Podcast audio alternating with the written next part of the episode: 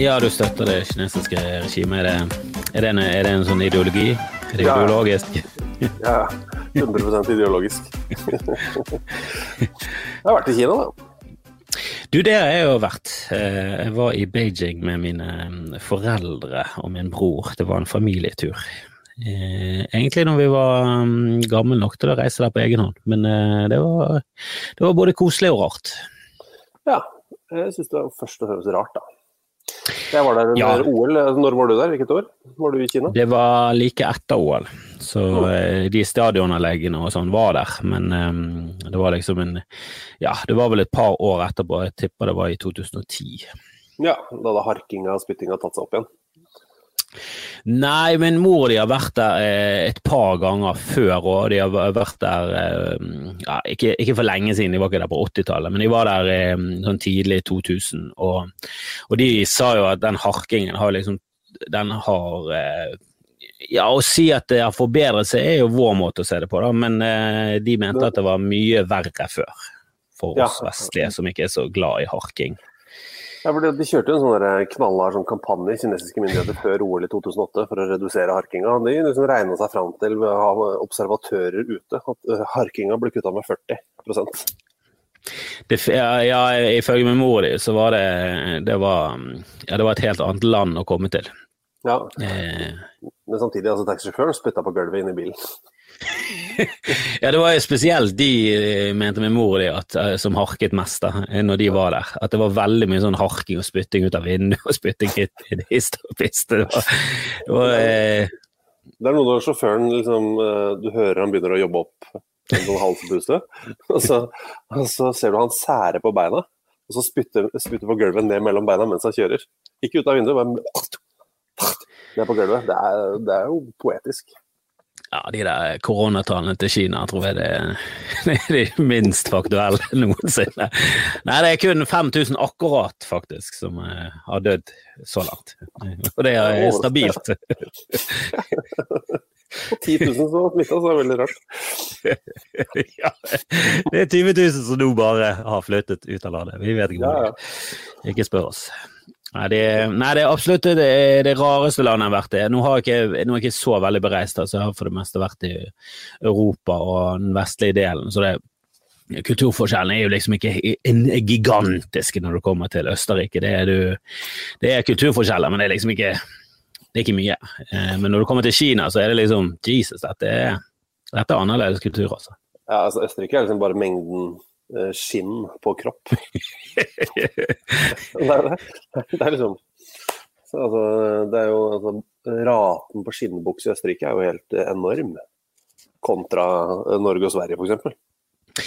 Jo da, selvfølgelig, men eh, så er det et fjelland nå, da. Og kommer du opp i høyden, så trenger du skinn.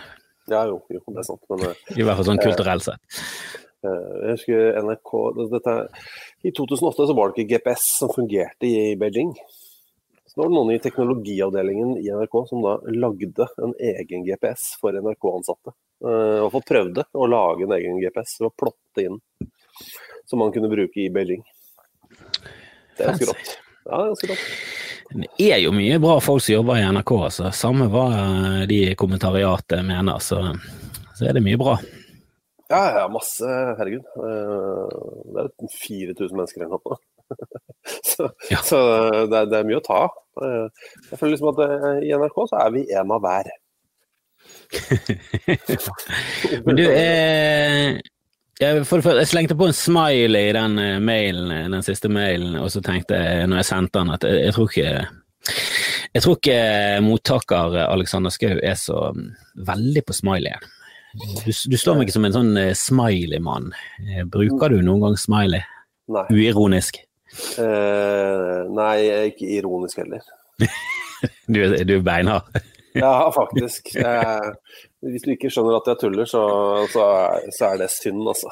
Hvis ikke du skjønner at denne meldinga er levert med godt humør, så Nei, fy fader. Nei, og det Men jeg god, jeg har lært å akseptere det i sånn SMS-form. Jeg skjønner Ja. at det er jeg, har jeg bare gitt etter. Jeg, du får ingen av meg. Men hvis du har lyst til å sende til meg, så skal du få lov til det. Men uh, i mails form, altså. Den er tung. eh, Det, det, er den verste? Er den verste formen? Ja, En mail-smiley. Jeg fikk en mail-smiley i dag. Helvete. Nei, altså brevsmiley ville vært det verste. Hånd, håndskrevet brevsmiley. Ja, med en sånn sidelengs smiley med sånn kolon og, og parentes. Det hadde vært flytende, men Nei, fy faen, nei. Det syns jeg er vanskelig. ass. Altså, jeg kan jo ikke begynne med det nå. Altså, jeg vet ikke hva jeg skulle sammenligne det med. Altså, det er som om jeg nå skulle begynne med sånn altså, Jeg likte jo aldri The Julekalender. da. Jeg syns jo aldri det var gøy. Nei. Eh, Jeg syns det var helt grusomt. Men det er som om jeg nå skulle begynne å si sånn bare lekkert. og sånn. Så, sånn er en smiley for meg. Det, er sånn, det, det toget, det eh, Det er så godt, det. Du er, eller, eller, hvordan, hvordan var oppveksten din? Du er, du er jo en Oslo-gutt. Mhm. Eh, og det er fra Vi snakker 74. Jeg googler faktisk eh, hvor mange folk som var i verden i 1974. Er du klar over eh, hvor mange slash få det var som var på jorden da? Eh, eh, Det er jo flere milliarder færre. eller Er det fire, kanskje? Ja, det var akkurat rundt fire. 3,989. Ja, Er du klar over hvor mange det er nå? Ja, det vi på sju nå, eller? Ja, det var det jeg tenkte. At, eh, for når jeg var liten, så var det liksom eh, milliarder. Vi var rundt fire milliarder. Jeg er født i 77, så det var fortsatt på den fire milliarder. Så husker jeg etter hvert så bikket det over til fem milliarder. Eh, Og så gikk det ikke så lang tid, og så var det seks, og så ble det syv for ikke så lenge siden. Nå er det 7,806. Så det er dobbelt så mange mennesker. Altså, det er blitt Nei, uff. Ja, nei, det er ubehagelig. Uh, jeg vet ikke hvor gammel din bror er, han er vel uh, litt eldre. Hva? Han ble, han ble 50 for eh, ti dager siden. Så han er Ok, han er 71, han er såpass mye Han er eldre. 70. Han er 70. Du, er- vi er i 2020, han er 70. 70-modell. Ja, ja, 2020, selvfølgelig. Herregud, nå begynner jeg å rote her. Eh, ja, det er da eh, jordkloden mer enn doblet seg siden han ble født. Det var 73, da var det nøyaktig noenlunde halvparten av det var i dag. Ja. Jeg synes det er jækla skremmende at i løpet av en livstid så har det doblet seg så til de grader. Men også her hjemme, da. Altså, vi var jo un, vi var, sånn rundt litt under fire, var det det? Millioner i, Norge også, eh, da vi ble født. Eh, så de økt med 50% siden da. Det er ganske brutalt, da. Ja. Eh, men eh, altså, altså, som I Oslo, da. Det var vel sånn ned på 300 000-tallet. Det er nesten fordobla i Oslo. Vet. du. Nå har man jo begynt å omtale ting som Stor-Oslo. Da tar man jo med liksom ting rundt sånn Romerike og sånn, og da er vi oppe i en fjerdedel av befolkningen bor i Stor-Oslo. Ja, det er jo en og en halv eller noe sånt. Det er jo helt, eh, ja, kanskje mer enn det var. Men, men hvordan var oppveksten i Oslo? For jeg husker eh, når folk snakker om hvor ille det er nå, og vold og gjenger og sånn, så bare husker jeg sånn tilbake igjen til min spesielt ungdom. Så sånn, jeg tror det var mye verre da. Jeg husker det var For da var det liksom gjenger som vi oppriktig var redd. Det var liksom sånn, du burde ikke, du burde ikke rote det bort i de folkene der. Og det var i Bergen, og jeg husker Oslo var jo alltid tigangen nesten. Ja, altså, jeg- må si et par ord om Bergen, for jeg bodde jo i Bergen fram til jeg var sånn fem og et halvt. Jeg er født i Molde, eh, så flytta familien til Skien, eh, og så flytta familien til, eh, til Bergen. Før vi flytta til Oslo. Og i Bergen så husker jeg jo konseptet gatekamper. Husker du det? Altså gatekrig. Altså hvor barn kasta stein på hverandre. Eh, altså, jeg husker Broderen kom inn jeg, var, jeg må ha vært fire og et halvt eller fem, var jeg kanskje. Så kommer broderen inn helt sånn sjokkert. Liksom, vet dere hva de lokale driver med her på Møhlenpris? De det, er, det er gatekrig. Liksom. Og der bodde på Møhlenpris. Ja, men det var jo et ganske hardt eh, strøk på den tiden. da. Ja, jo, jo. Eh, jeg bodde jo eh, i, ja, i nærheten av sentrum. Jeg bodde på, eh, rundt, i Landåsområdet der, eh, rett overfor stadion, eh, til jeg var sånn rundt fem. Så flyttet vi ut til Fana, litt ut på landet. Eh, og der var det også et mye hardere miljø. Jeg husker det var liksom sånn Du burde ikke gå for langt mot et område som ble kalt Chicago, for der var Ja, Chicago har jo selv jeg hørt om. Og de var jo også sånn gateslagsmålfolk. Altså der, eh, der skulle du liksom ikke rote det bort i folk. Der. Men jeg, jeg har et inntrykk av at Oslo kanskje var hakket verre. Jeg vet ikke hvor du vokste opp i Oslo. Jeg vokste opp i Sørøst-Oslo, i det som ble kalt uh, Stormens øye. så um, jeg husker vi Jeg snakka om dette før, altså, i en, um, vår egen podkast. Så um, skulle vi intervjue Molde-trener Erling Moe. Han som livepodkast oppe i Molde. Eh, verdens hyggeligste fyr. Og så sitter vi der, og så plutselig så tar han mikrofonen, så spør han salen. Eh, hva er forskjellen på Tveita og på Abelse? Jeg hva faen er det som skjer nå? Han har jo aldri vært utafor Molde, han fyren der. Og jeg er vokst opp på Abelse, som er Stormens øye. Og Tveita jo, var jo Tveita på 80-tallet. Uh, eh, og ingen i Molde veit det. Forskjellen på Tveita og Abelse. Og så sier han På Tveita, der han har en banker. På Abelsø kidnappa de folk. og det stemte, da. Nei, altså, det, um, Stormens øye, Abelsø, det var jo um, Vi har noe som heter Østensjøvannet på Abelsø. Som er Nord-Europas største fuglereservat, så det er jo faktisk litt sånn natur der, da. Uh, selv om det er en drabantby. Men rundt oss så har vi da, og selv om du er fra Bergen, så har du garantert hørt om noen av disse. Det er da Manglerud, Lambertseter, Um, Holmlia litt oppi der, og så har du Skullerud, Bogerud, Bøler, Oppsal, Tveita og en del sånne steder. da. Og de rundt der, der var det mye crime. Mens i midten, der hvor vi var, eh, så var det jo en veldig sånn kjent historie om en fyr som en taxisjåfør som bare ble bortført. Jeg hørte ikke noe fra han. Men det viste seg at han ble oppbevart i andre etasje over butikken hos oss. Altså, du kunne bokstavelig talt se inn i den leiligheten. Han hadde blitt holdt i 10 eller 14 dager da. Eh, så nei, det skal vi si, ja. Eh, jo, det var mye gjenger, men det var stort sett sånn Tveita-gjengen og sånn, vet du. Mye Tveita-gjengen. Jeg har hørt om de, de var jo beryktet. Uh, Tveita er vel der Linn Skåber vokste opp, ikke hun er tilknyttet Tveita på en eller annen måte? Nei, det er Bøhler, da, men, uh, som er rett borti hugget fra oss. og det er jo det, Broderen gikk jo i klasse med Linn. Ja, men jeg bare hørte hun snakket om, hun snakket om Tveita-gjengen som en sånn ja, ja. oppveksting. Men, ja, som jo da er en gjeng laga danna av Securitas-vakten på Tveita-senteret, Jan Kvalen. Som fikk i oppgave å holde styr på alle disse ungene som hang på senteret. I stedet så bare danna han en ganske fin gjeng. som ble Tveita-gjengen, som bl.a.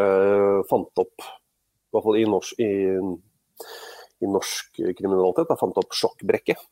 Som går ut på at du stjeler en bil, uh, og så kjører du den inn i minibanken. Bare rett og slett knuser minibanken. uh, og så tar du penga. Som da er en sånn berømt sjokkbrekk, men også stjele en bil og så kjøre inn f.eks. inngangspartiet på et kjøpesenter. Eh, det er som, det originale sjokkbrekket som, som, i bunn og grunn stammer fra Tveiteggen. Men vi visste jo hvem alle de gutta var, og man møter jo på noen av de eh, hele tiden. Fortsatt, liksom. Fordi det, sånn, for det er veldig mange som veit at jeg er fra Abelsø, som sier sånn Ja, kjenner du plomma? kjenner, kjenner du kukken fra, fra Bogerud. Og så er det sånn, ja, jeg vet hvem det var, liksom. og så får man en oppdatering derfra. Men jeg hadde jo aldri noe sånn aktivt med dem å gjøre. Nei, men var det noe sånn at du måtte aktivt eh, unngå de, eller gikk det liksom greit når du liksom var en av eh, innbyggerne og de visste liksom noenlunde hvem du var, og du ikke bøffet med dem, liksom? Nei, det gikk greit, det, altså. Uh, nei, det, nei det, det, var, det, var, egentlig ikke noe stress. Så da var det liksom noe etter hvert så kom jo liksom nynazister og bootboys og sånn oppe på der hvor Odda vokste opp. da. Uh, Odd, ja, Odd Magnus. Ja, uh, og oppe på Nordstrand og sånn. Uh, og de var jo kjipe på en helt annen måte, da. Men hva skal man si? Altså, men vi, vi på, da jeg vokste opp, så jagde vi jo nazister. Ja. Så hvis de dukka opp, så, så jagde vi dem vekk. Vi hadde jo bl.a. han meganazisten Jack Erik Hughes, som nå er dau. Han ble jo dømt for, fordi han ville eh, Han stilte jo til valg. Folkeaksjon mot innvandring og stopp innvandringen og ja, bare sånne Ja, stopp innvandringen av Norge. Ja, og han hadde masse sånne ting. Eh, og han, han endte jo i fengsel på et tidspunkt fordi han gikk inn for å kastrere alle adoptivbarn. Ja, var han involvert i Hvit valgallianse? For de hadde jo et eh, Ja, det skal jo ganske mye til for å bli tiltalt for sånn brudd på ytringsfriheten i Norge. Det er ganske ja, det er ganske fritt frem, men det er liksom Jeg husker Hvit valgallianse, de ga ut et partiprogram, og så bare ble de politianmeldt og dømt med en gang. For det var bare Ja. Ja, det var tvangssterilisering og hele pakken. Men, men jeg husker at vi var ute i hagen og så spilte vi fotball. Så ser vi en fyr som driver og legger noe ned i postkassen vår. Uh, og dette må, jeg lurer på om dette må ha vært i 1989, før valget i 1989. Uh, og da i så fall var jeg 14, da. Jeg er ikke så jævla gammel. liksom. Jeg var jo et, et veldig stille barn. Men akkurat det var sånn trigger, da. Eh, og da så vi han eh, pamflett, begynte å legge pamfletter i postkassene. Eh, og da var vi tre stykker på 14-14-åringer, liksom. Tre ordentlige spjælinger. Eh, og vi gikk rett og slett bort og trua han med juling. Eh, men han var jo liksom var gammel svømmer og gammel idrettsmann og ganske god form selv om han var i 60-åra. Så han, eh, han syntes det var ubehagelig, så vi fulgte etter ham. Så vi, nappa vi ut alle flyerne som han, etter hvert som han la dem ut. Samla dem. Eh, og så jaga vi inn til bussholdeplassen, og så tvang vi inn til å se på mens vi ødela flyerne, og så sendte vi på bussen vekk. Så det er et sånn stolt, sånn stolt barndomsøyeblikk, da. Ja, men det er, det er jo deilig når du eh, Ja, når du kommer opp i en situasjon, og så gjør du det riktige. Mm. Det, du, det du drømmer om at du skal gjøre hvis du kommer opp i en sånn situasjon, er jo veldig tilfredsstillende. Ja, altså, men ofte så gjør man jo ikke det. Men akkurat den dagen så gjorde vi det, da. Eh, og det var eh, Fy faen, for et rasshøl han var, altså. Ja, ja, jeg feiger unna hele tiden og angrer, men eh, men det er jo det er det Ja, jeg er ikke, jeg er ikke så glad i fysisk vold mot egen person, må jeg innrømme. Nei, ikke heller. Men akkurat der, når han da Når, man, når han liksom Han vil kastrere kompisene dine, så, så tar man grep, da. Ja, men hvordan var eh, Hva gjorde dere på liksom eh, i dagene? Du spilte fotball, eh, går ut ifra, som de fleste andre? Ja, og så uh, hadde en, uh, hadde en nabo som eh, var halvt svensk. som introduserte oss mye så, si, svenskrelaterte idretter, deriblant innebandy. Men å spille innebandy ute i hagen, det var eh, big shit, ass. Eh, Så Innebandy ute, ikke, ikke vanlig bandy, bare innebandy ute. Ja, med den lille huleballen hule ballen og de lette Ja. maskekøllene og sånn. Eh, så Nei, det var, eh, eh, det var Det var stort sett det. Og så se på musikkvideoer på TV. Ja, hadde dere kanaler? Hadde dere kabel eller parabol? Eh, nei, ikke parabol, nei. Jeg tror ikke det er noen, jeg tror ikke det er noen på Oslo øst som hadde, hadde parabol, altså. Eh, men det var kabel, ja. Så vi hadde eh, forgjengeren til Scar Channel. Folk husker at det het Scar Channel, men før det eh, så het det Satellite. Og før det igjen het det OTS, og starta sendingene klokka sju på kvelden. Eh, og da var det én time med musikkvideoer, og så var det Charlie's Angels, Starskin Hutch, Fantasy Island og så mer musikkvideoer.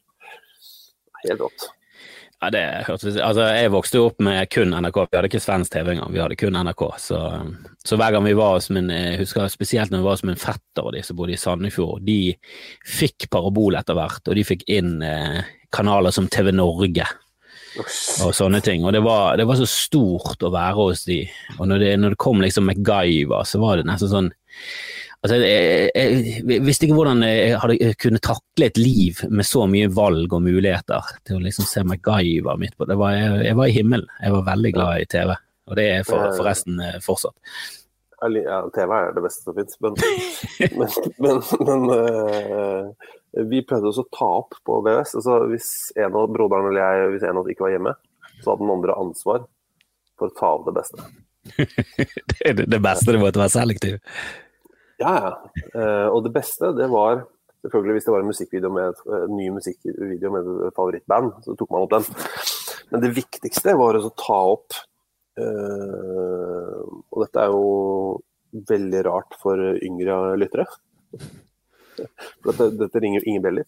Men uh, vi er jo to gamle menn, eh, så vi kan ta disse referansene. Stol, stol på meg, det er ingen yngre lyttere. okay. Eh, da, vi tok opp de pinligste øyeblikkene fra reisesjekken. Sånn at når andre mann kom hjem, så kunne han liksom bli Så var det da å gjemme seg bak det teppet i, i, i kjellerstua mens man prøvde å, prøvde å se på uten å kaste opp. Og så var det Jeg vet ikke hvor mange timer vi har med VHS-er, vil si at vi har 15-20 timer med kristen lokal-TV på VHS, det har vi nok. Eh, og det, det, det, det, det driver vi fortsatt å referere til oss imellom ganske mye. For det var, det var helt rått, ass. ja, men det er jo et eller annet med Ja, eh, det, det er et par eh, netter på hotellet, spesielt i litt eldre dager, når ikke Netflix var så eh, utbredt, og du hadde ikke så, liksom, så store valg på nettet. Da, så var det ofte at du endte opp med å Eh, kanskje være på Facebook, og så ser du på uh, gjennom kanalene, og så begynner klokken å bli to, og du bør legge deg, og så er det ingenting på noen ting, og så bare, uh, begynner du å gå lenger og lenger opp på 67-68, så kommer Visjon Norge, og så er det en annen svovelpredikant. Det er, det er et eller annet veldig magisk med å sitte og bare se på Altså, som, ja, for det er bare så Det er så galskap, og så vet du at her sitter det mange, og de syns dette her er fantastisk. Ja, min kristendel var en stor del av oppveksten, faktisk, når jeg tenker meg om. For til å være fullstendig ikke-kristen, så er det en sjokkerende stor andel av Vi har noe bare, Vi har tid til å snakke litt kristen-TV, eller? Ja da, vi kan. Vi kan det. Dypdykke. ja, det er bra. Eh, en av favorittene var eh, en dame med dårlige tenner som hadde skrevet dikt om Jesus. Hun var vi veldig glad i. Og så var det Vi hadde jo én megapredikant i Norge på 80-tallet. Uh, og det var Hans Bratterud. Jeg vet ikke om du husker han. Han ble rikskjendis fordi han snakket om det å tukte sine barn. Han mente at det var greit å slå sine barn, for det sto i Bibelen at man tukter de man elsker. Så det ble noen noe forsider på far, da, kan du, kan du si. Eh, men han eh, For det har jo ikke alltid hett uh, Misjon Norge. Det har hatt tusen forskjellige navn. OFK, New World Channel altså Det er 100 000 ting. Men han pleide å starte sendingene. Jeg har flere, jeg har flere videoer av hvor han, av sta, hans start på sendingen viser at ok, shit, nå er det tirsdag, klokka er sju, Hans Bratterød skal åpne sin dagens eh, småfuglprediken. Eh, det pleide han å gjøre i hvit eller grå dress. Eh, stående foran eh, på et slags Foran et lite sånt Hva heter det for sånn, greie som du har Bibelen på? Sånn, ja, podium ja. eller noe sånt. Ja. Så sto han oppe, og så var det firmaet bitte, bitte litt nedenifra. Litt sånn som du ser meg nå. Litt nedenifra. Og bak ham var det to gigantiske norske flagg i kors. Så starter han sendinga med å holde Bibelen opp, og så synge 'Ja, vi elsker'. Det er det, det, er det mørke, det er det, det, er det hardeste jeg har sett. Du, drit i The Wire og The Shield og sånt. Dette er det hardeste som er vist på norsk fjernsyn. og så var det en time om evig fortapelse, og så var det 'Vi ses igjen om en uke'. Nei, det var uh, brutalt. Men da var det sånn at øh, de hadde live auksjoner på TV. Eh, det var veldig mye sånn kniplinger og strikketøy og sånn som ble lodda ut. da. Ikke lodda ut, du ringte inn la du inn et bud. Sier sånn ja, det var et nydelig blondeteppe. 200 eh, kroner. ikke sant? Og Så satt det en gammel dame og sa å, da har vi fått et bud fra Kristoffer i Bergen på dette blondeteppet. Eh, men vi ringte jo inn hele tiden og la inn bud. De ba jo aldri om kortdetaljer og sånn, det er jo før den tiden, så de måtte jo bare stole på at du sendte dem cash. Så det var, altså, vi la jo inn så utrolig mye bud. Og så gikk det to dager, så var jo selvfølgelig samme saken tilbake på salg. For hadde, det var jo, så var det da om å gjøre å legge inn flest mulig bud på samme saken. Så på en måte holde å holde en gjenstand i live, da. Skjønner du hva jeg mener? ja, ja, ja. Si at de liksom solgte en, eh, en strikkebåt, da. Ringte liksom eh, inn. Ja, ja, legge inn bud på 500 kroner, så fikk jeg tilslag på det. Så fikk de ikke det. Og så neste gang så er det, så er den samme jævla strikkebåten med. Rekorden er fire ganger, da. på, på, en, på noe sånn kniplingsduk-greier. Eh, og så var det også en gammel dame som leste, hadde forbønn. Eh, live. Så du ringte inn til en telefon, og så var det en som tok imot telefonen eh, hvor du da fortalte om ditt problem. og Så skrev de det ned på en lapp, og så fikk hun det stukket i hånda inne i studio, og så leste hun lappen, og så ba hun for deg. Eh, det, ble, det var mye bønn mellom oss på Abelse. hvor vi sa sånn Ja, hei, jeg heter, jeg heter Petter. Jeg har utrolige magesmerter. Eh, Kan du be for meg? Og så visste jeg da at Petter satt på Bogerud og så på samme sendinga. og bare faen, nå driver han og ber for meg. Så ringte han inn en bønn for meg. Det var sånn bønnemaraton da, eh, fram og tilbake. Så kristen-TV, det er Nei, det har vært Si, si at det har tatt Ikke overdrive at kristen-TV har stått for 8 av oppveksten min. Men jeg skulle til å spørre, om, var dette noe du og din bror og din familie holdt på med, eller var dette liksom utbredt i, i en eh, større vennekrets? Men når, eh, når han Nei, eh, med vondt i magen ble, ble blandet inn, så, så forstår jeg at dette her er noe i gjengen din, da. Ja, det er jo eh, fint å si. Du vil gjerne prøve å få dem til å si, si hele navnet til kompisen din. Og si sånn eh, har en sånn utrolig stivhet i lysken. Altså, vi var jo ikke gamle, vi var jo 15-16 år gamle. Så det er jo, sånn, det er jo, det er jo på et veldig barnslig nivå. da. Men sånn, har en sånn veldig sånn, det er litt så hard i lyskeregionen. Så skal jeg ha prøve i morgen, kan du be for meg? Så sitter hun der og kobler ikke liksom, den helt sånn åpenbare ereksjonsvitsen der. da. Gammel dame, vet du. Hun var jo sikkert ja, Jeg syns hun var skikkelig gammel da, så hun var sikkert ikke mer enn sånn 65-70 år gammel. da. Nei, det var, det var vakkert. Det spredde seg.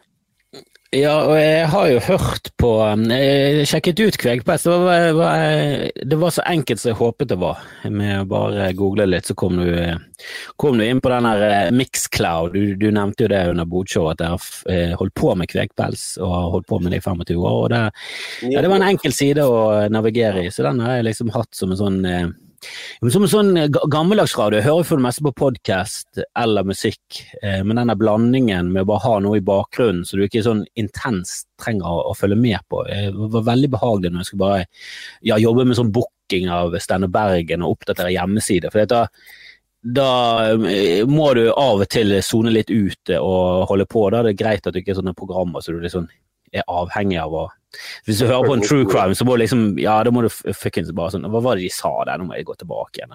Eh, og det var, det var gøy, og der snakker jo mye om TV. Du er en liten eh, TV-fan. Elsker TV. Lineær-TV er det beste som fins. Og det er lineær, ja. Ja, ja. Elsker det. Synes det er, det du er så låst, da. Jeg liker det. Så du må, du, er nesten, jeg er nesten litt sur på sånne get-bokser og andre bokser hvor du kan spole i live-TV. Burde ikke vært lov. Du, burde bare, du må sitte og se på. Um, Det er noe, det er noe med den tvangen der som er, som er litt sånn fin, da. ja du, du, du mener eh, reklamepausen er der for å, for å gjøre andre ting? Eh, ja. Og så ser vi på reklamene. Det vet du jo. ja, for, å støtte må, vi støtte eh, vår, eh, vår alles gud, TV-en. Eh, men du ser mye, og det var mye sånn Der snakket om den Formel 1-serien på Netflix. Der var tydeligvis Ja, den har jeg hørt av andre som også har ingen forhold til Formel 1, synes er feiende flott. Fantastisk, du blir sugd inn i det. Eh, Du hater folk, du elsker folk nesten sånn med en gang. Eh, Og så er bildene så fine. Altså, det er litt sånn geeky ting, da, men eh, det er eh, Stort sett så er, sitter jeg aldri og tenker på at bildene er fine i en dokumentar. Altså, du, har, du, har sett, du har sett et dronebilde av en skog, liksom. Men du har ikke sett en bil som er verdt 100 millioner kroner knuse i bitte, bitte små fragmenter i så sakte kino at du kan følge hvert fragment over, fragment over TV-en din. Samtidig som det er en illsint sånn, øh, øh, sånn lagsjef som skriker i radioen 'You fucking idiots'. Altså, det er, det er en fantastisk TV. da. Så, øh, nei, det er, det, er, det er praktfullt. Og så er mye Jeg er veldig glad i vellagd trash. Ja, som, som hva? Som, eh, er det liksom på Paradise Hotel og Nei, sånn? det er veldig, ja, det er jo ålreit lagd, det. Og jeg lar meg imponere noen ganger av det. Hvor jeg tenker sånn Faen, well played, tenker jeg ofte. Sånn er det. Ja, jeg, jeg må si det. De, de, grunnen til at jeg ikke ser så mye på Paradise Hotel, er at hvis du begynner å se på det, så ser du fuckings alt. For da, da blir du sugd inn. Altså, ja. Det er vanskelig liksom bare å se en episode eller to, for med en gang så de, de, de klarer å lure det inn med noen vanvittige cliffhanger. og Det er alltid noe interessant som du har lyst til å få med deg. Hva, hva skjer egentlig der? Og så er det alltid skuffende, men allikevel så kommer du tilbake igjen. Eh, på grunn av den ene gangen du fikk en hit som var god. Eh, det er litt sånn heroin. det er liksom, Du er hele tiden chaser den første, ja, første gode. Du driver og groomer deg. Ja, de groomer altså. Det burde vært ulovlig, men helvete, heldigvis er det ikke det. det er sånn hissig grooming for å få deg inn bak i vanen. Men Bachelor liker det. Bachelor er jo grusomt. Nei, vet du hva, Bachelor Helt uironisk, jeg lurer på om det er liksom det best lagde av TV. Altså, det er jo vanvittig populært fortsatt. Og jeg vet ikke ja, men... hvor mange sesonger de har, 26 eller et eller annet. Ja, og det er bachelorette oppi det hele også. Eh, og så har de en slags sånn Paradise Hotel med Bachelor in Paradise, hvor alle, de som, alle rejectsene samles på en øy i Syden og noe greier. Men, men, det viktige her er bachelor, som er, jeg syns det er så Håndverket er så godt. Eh, og jeg kan på en måte eh, se for meg det spillet som foregår når kameraet ikke er på dem, altså hvor eh, de de små eh, underprodusentene går inn og snakker med deltakerne og sier sånn Nå må du gå bort til henne, så må du ta på de greiene der. Ja. Og så ser du at det utspiller seg, så bare sånn Faen, dette her er god TV. Og det er liksom, du skrur på første episode, og så er det som om det er en hånd som strekker seg inn i skjermen og bare tar deg hånden uh, og forteller deg hva du skal føle til enhver tid. Eh, og så føler du det. Og da tenker jeg faen, da er du god, ass. Da er du, da er du faglig uhyre sterk.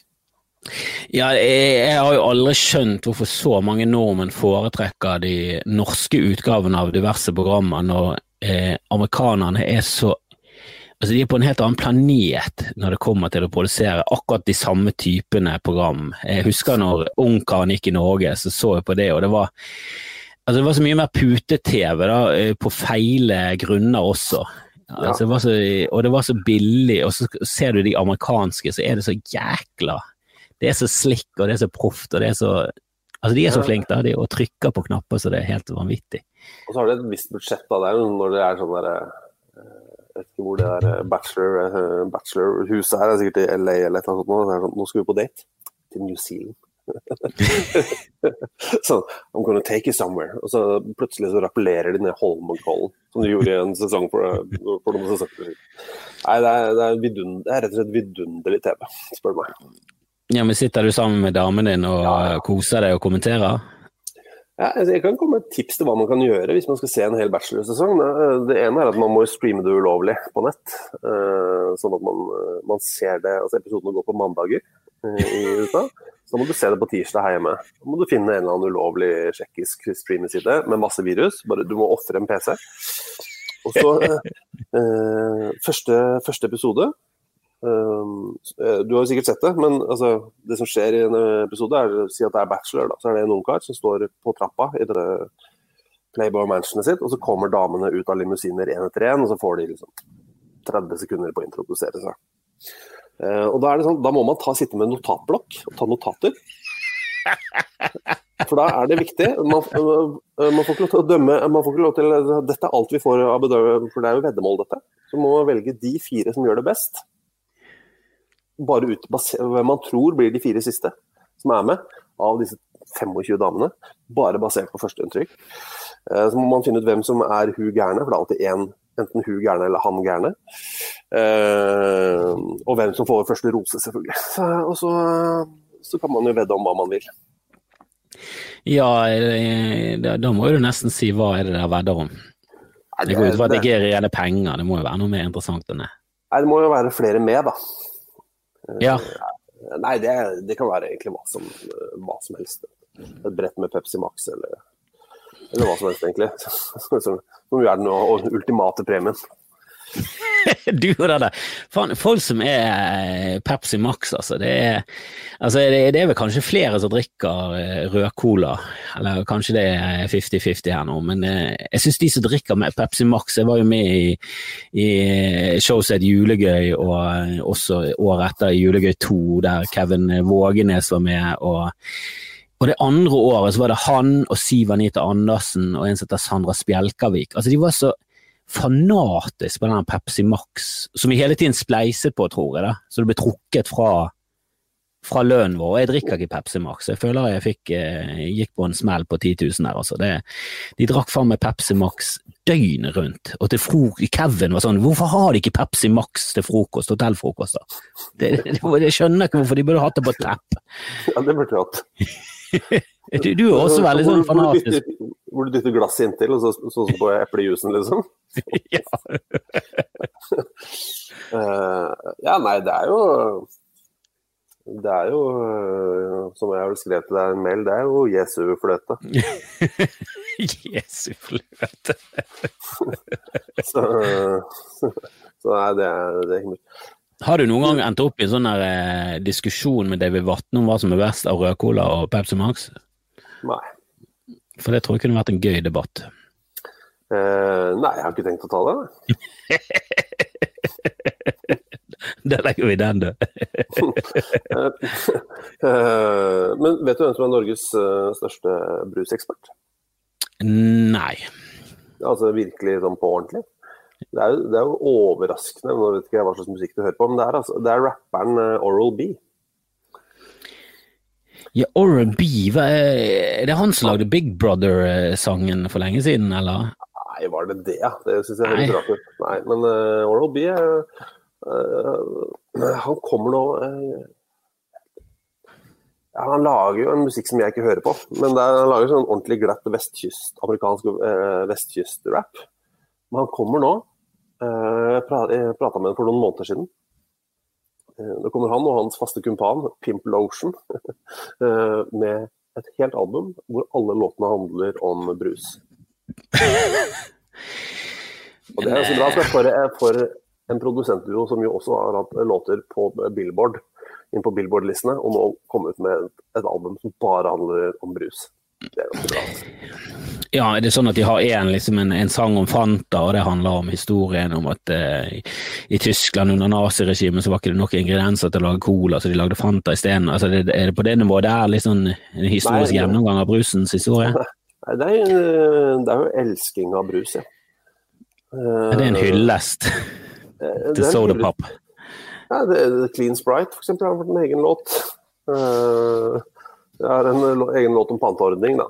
har det, som er som, uh, egentlig helt sånn uironisk om at han panter jævlig mye, at han har blitt millionær på pant. da. Han drikker så mye brus. Uh, uh, og for annet her, Han har gitt ut tre singler fra albumet, jeg måtte høre gjennom. Uh,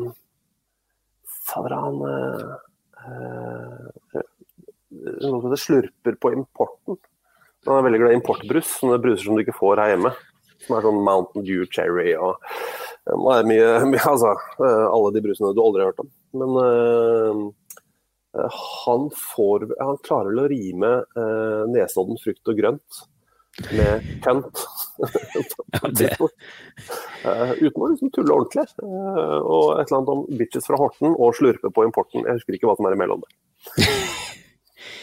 Det høres veldig Det høres ut som en typisk ting du vet om og, har, og kan ting om. Du, du, er jo litt sær, er du ikke det? Du henger deg opp i sånne små, rare ting.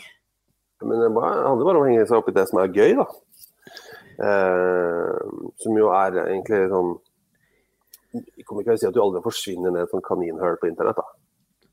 Jo da, jeg, jeg, kan være samme type, en som klarer å nerde meg voldsomt inn i, i, i sånne små ting som jeg syns er Ja. Det, det, er spesielt deprimerende å snakke med min samboer, for hun har ikke den samme greien. Så når jeg liksom eh, nesten som med entusiasme prøver å lansere et snakketema om et eller annet sært noe, så bare blir jeg skutt ned. Ofte, ofte med uh, Jeg har ikke lyst til å snakke om det, bare sånn direkte. det var fælt. og da forsvinner eh, ganske mye av entusiasmen ut av ballongen, altså. Det skal jeg si deg. Jeg vet ikke hva er verst av det og OK? ja, det, det. Jeg føler jo det første er litt mer sånn ærlig, da. Ja. Altså, hun sier i hvert fall ærlig at det, det orker ikke snakke om. Men jeg begynner ikke med uh, Hva skal vi si, ja. Jeg begynner jo ikke med å google Oral B-brus jeg begynner, det begynner jo med um, skiftenøkkel, hvis du skjønner.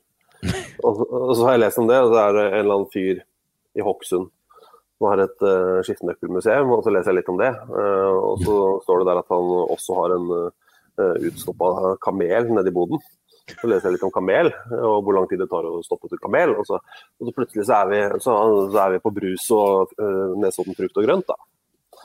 Ja, når du snakker om utstopping, jeg det Jeg husker jeg surfet meg bort i sånn For det er en sånn egen gren med sånn taxidermy der de lager sånn fantasidyr, da. Der de bare setter sammen masse dyr til nye, fa, sånn, nesten sånn fabeldyr.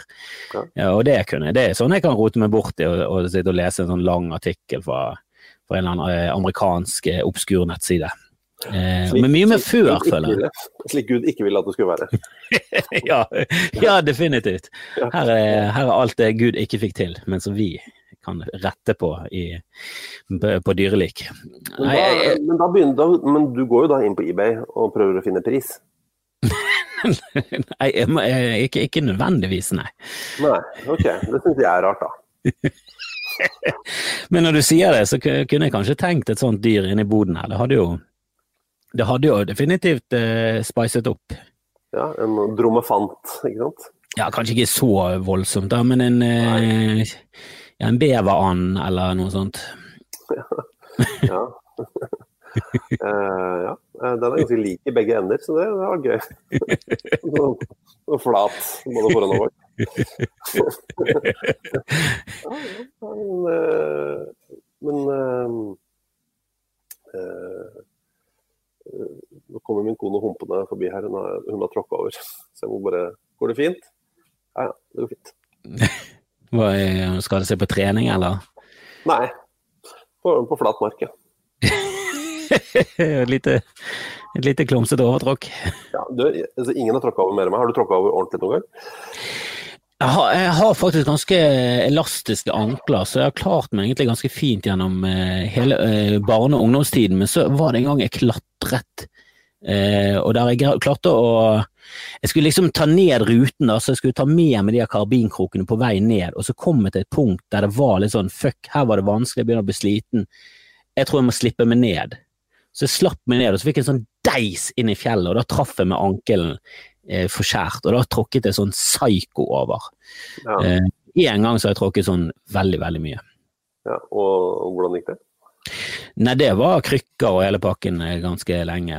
Jeg brukte lang tid for å få is på den òg, så det, jeg tror det også ødela mye. Men det ble en sånn ballongfot og hele pakken. Det er, det er nydelig. Nydelig ord. Ja, det var kjipt. Men du er, du er voldsom på overtråkken? Ja, ja, helt eh, enormt. Det er jo bare Jeg føler at det er sånn grøt mellom leggben og fot. Ja, men jeg, jeg, tror det er sånn som eh, blir verre hvis det skjer én gang, så er det liksom lettere at det skal skje en annen gang, og så bare baller det på seg. Ja, mye innebandy også innendørs, ikke bare utendørs, men også innendørs innebandy. Eh, hvor du kjenner liksom at det nederste punktet på kroppen akkurat nå, eh, hvor du legger all din vekt, er den derre ankelknoka. Det er det som er det nederste ja. punktet. Du balanserer på ankelknoka. Det, det er utrolig kvalmt, altså. Ja, det skal aldri være nederste. Det skal aldri være all vekt på det punktet. Og det, er typisk sånn innendørs eh, norske haller med sånn eh, Ikke sånn eh, finergulv, men det andre. Den der, det der kunststoffet som de legger oppå. Ja, jeg har fått det på finergulvet òg, jeg. Ja. Ja da, men det der kunststoffet som så å si alle håndballhaller ja. i, i, verden er laget av, er jo ja, det har jo røket mer menisk eh, enn noe annet før. Eh, det er jo grunnen til at eh, så å si alle damer som har spilt håndball, er jo så å si uten korsbånd. Ja, det er derfor jeg ikke vil at noen barn skal spille håndball. Folk sier så håper de ikke begynner med boksing eller bare det ikke er håndball. Jeg orker ikke det der, sitte der og vente på at de kommer ut av operasjonssalen. For det er jo det, det, er jo det som skjer. Ja, uff, nei. Eh, jeg vil egentlig ikke at min eh, sønn skal bli noe sånn veldig god i noe sport. For eh, min far han var brannlege i veldig mange år. og jeg ser på fotballspillere og veldig mange idrettsutøvere som veldig jeg, jeg, jeg, føler at prosentsjansen for at du skal bli en interessant person er mye lavere hvis du blir veldig god i sport. Hvis du dyrker veldig mye med en person som er feil, i mitt syn. Ja. Egoismen og narsissismen og alt det der. Eh, når du legger det fram sånn, så er det ikke så bra. Hva? Nei, Når du legger det fram sånn, så er det ikke så bra. Nei, jeg føler Det hadde sikkert vært gøy. Det, hadde det er jo sikkert veldig gøy å være faren til Martin Ødegaard. Det må jo være spennende. Herregud, så intenst å bare se en eh, kamp med din egen sønn som en av hovedrollene. Men han virker jo ikke som en fyr som er sånn åh, han skulle jeg tatt med meg på en øde øy og, og snakket med lenge. For jeg tror sånn etter fem minutter så sånn uff, er vi tom allerede nå, Martin? Jesus. Um... Nå kan du kanskje ikke snakke så høyt om akkurat dette, for du er litt i den ver verden selv, så det Kanskje vi skal bare skifte til samtaletema. Hva, hva håper du at dine barn skal bli? Men jeg trodde et lite øyeblikk at du skulle si jeg håper ikke min sønn blir god i, skikkelig god i noe som helst. Da var det veldig gøy. Nei, det er mer sportsrelatert. Jeg håper at han får en eh, glede av å drive med sport, at han syns det er gøy. Men eh, han, er sin, han er sinnssykt eh, Han har et sinnssykt konkurransevesen. Han er veldig opptatt av å være først, og så er han utrolig lite atletisk og veldig treig. Så det er en veldig dårlig kombinasjon. Han har liksom arvet alle mine dårlige egenskaper når det kommer til fysikk, og så er han ekstremt sta og eh, konkurransevillig. Så det det, det, det, det er ikke en bra kombo, rett og slett. Nei, jeg tror dette går bra, ut ifra din største frykt. Dette, dette, dette, skal gå helt fint. Nei, altså vi Altså det optimale er selvfølgelig at hun blir eh, best i verden i tennis. Eh, for da kan vi pensjonere oss når hun er 15. Eh, for da kan hun bare forsørge oss ved å fly rundt i verden og spille tennis. Det er jo eh, det er selvfølgelig den optimale drømmen. Ja, helt til hun hører du spådde dette da hun var liten og bryter all kontakt, for hun mener at du er et monster som har liksom groomet henne til å bli tennisspiller på at du skal cashe inn. Ja, det, er helt riktig. Det virker jo sånn eh, eh, Jennifer Capriati, en gammel amerikansk fotball- eh, tennisspiller. Ja, det jeg liker kvinnetennis. er en av mine Jeg, jeg synes Innenfor tennis så syns jeg faktisk det kan være gøyere å se på damer enn menn. For menn er for gode til å serve. Det går for fort. Ja, særlig nå, nå har vi jo en Eisner som er 2,08 høy, som bare smadrer inn serve etter serve. Det er jo noe gøy, men, men det, er liksom, det, er litt monotont, da. Ja, men det er, litt, det er litt mer kamp, det er litt mer levende, litt mer spill i, i dametennis. Så det, det syns jeg faktisk er veldig, veldig underholdende. Men Jennifer Capriati, da hun var sånn ett og et halvt, uh, så drev faren hennes og prøvde å lære henne å ta situps. Uh, uironisk. Altså, Til og med ironisk er det gale. Men sånn ironisk så er det noe sånn Det er jo noe Det er jo noe just sånn, å si til en toåring ta, ta noen situps. Um, men, men, apropos det, jeg kan anbefale det som, som partytriks. Hvis du har hvis du har barnevakt for en toåring, eller treåring i for seg få dem til å si Bare lære en enkel setning som de kan si når foreldrene kommer hjem. Det er ganske gøy, altså. Eksempler på setninger, takk. Ja, vi gjorde det på uh, kusina vår. Det var en sommerferie for 100 år siden. Hun var bitte liten. Så dro uh, min onkel, altså hennes far, dro på butikken. Med en gang han var ute av syne, så er det OK, hør her.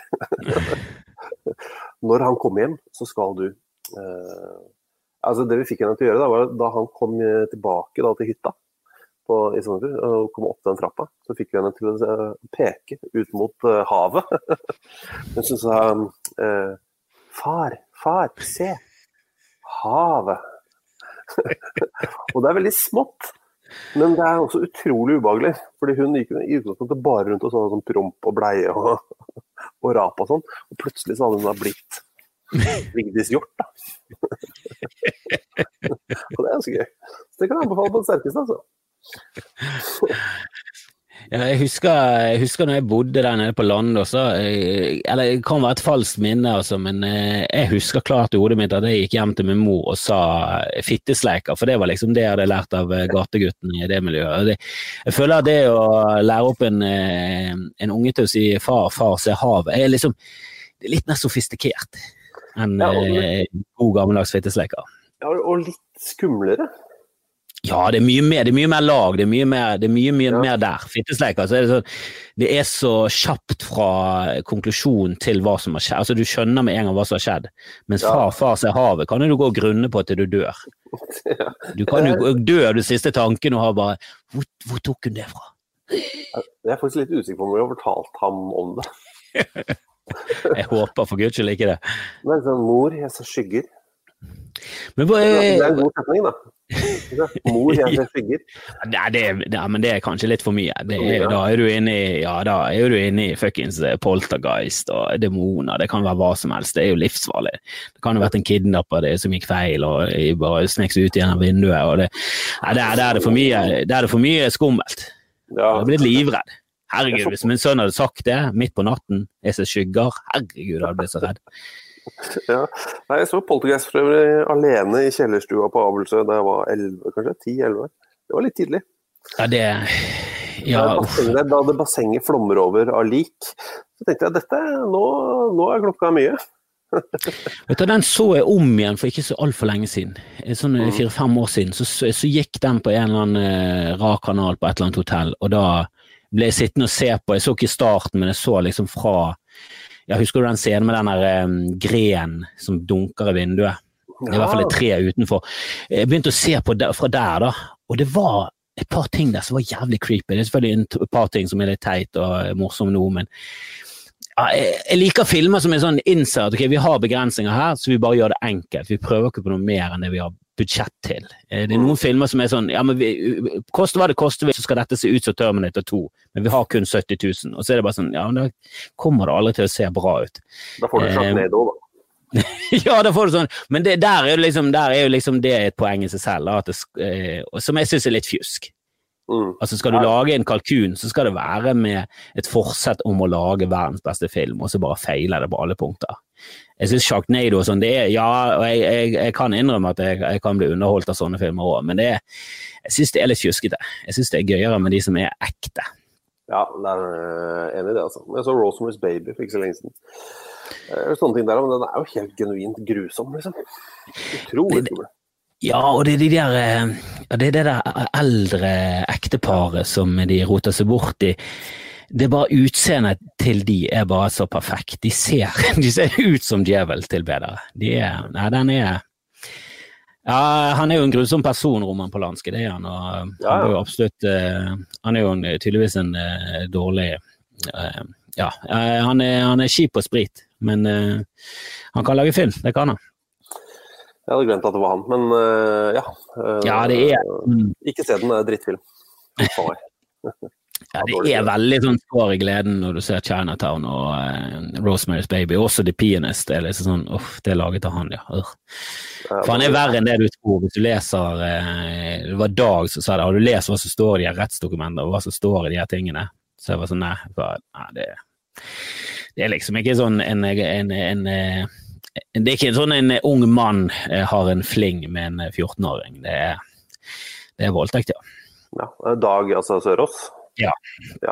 Ja, han er Eh, typen sånn som eh, setter seg inn i sånne ting og leser. Jeg har også, også lest det. Eh, Det, det er altså når folk Da blir det vanskelig når Quentin Tarantino for eksempel, driver og sånn febrilsk forsvarer det, så blir det vanskeligere å se på hans filmer også. Ja, det har jeg ikke fått med meg, men jeg fikk med meg at han Og det syns jeg satte egentlig pris på at han etter Weinstein var litt sånn åpen på at fuck it, vi visste det. Altså Vi visste ikke at det var så gale, men vi visste det, og vi gjorde ingenting, så vi må ta det litt på vår kappe. Han tok en liksom sånn det er for, Vi må ta et oppgjør med hele den eh, Og det syns jeg er kanskje det viktigste med hele den metoo. Sånn, ja, vi må kanskje ta et sånn oppgjør eh, Kanskje ikke eh, Kanskje de som holder på med det, er gone, da. Men alle rundt. Kanskje vi skal slutte å akseptere at, for, at det er sånn Ja, men Trygve, han du vet hvordan han er når han drikker Tequila. Så det er sånn Ja, men han er jo en drittperson ellers òg. Og Tequilaen får jo bare frem ekte Terje. Terje er en, Terje er en horribel, et horribel menneske. Vi må jo kanskje si fra til han. Ja, vi alle, vi alle en Terje. Ja, jeg vet hva, jeg holder meg unna sprit. Jeg vet ikke om du drikker noe særlig. Jeg vet ikke om det er derfor du er så Aldri. veldig på maksen. Du, du drikker aldri, du. Nei, jeg har aldri gjort. det. Du har aldri gjort det. Nei, aldri smakt. Ja, hva, hva- kommer det av? Nei, som jeg pleier å si, det eh, kan du få lov til å velge. Ja, det var liksom den tab ekstra når du drakk på 80-tallet, og så var det bare 'dette her er livet mitt'. Så hvis dette her blir forbedret litt, så kommer jeg til å bli avhengig av det. Så. Det heter jo ikke, tabbe heter jo ikke Tab Extra. vet Nei, det er tab.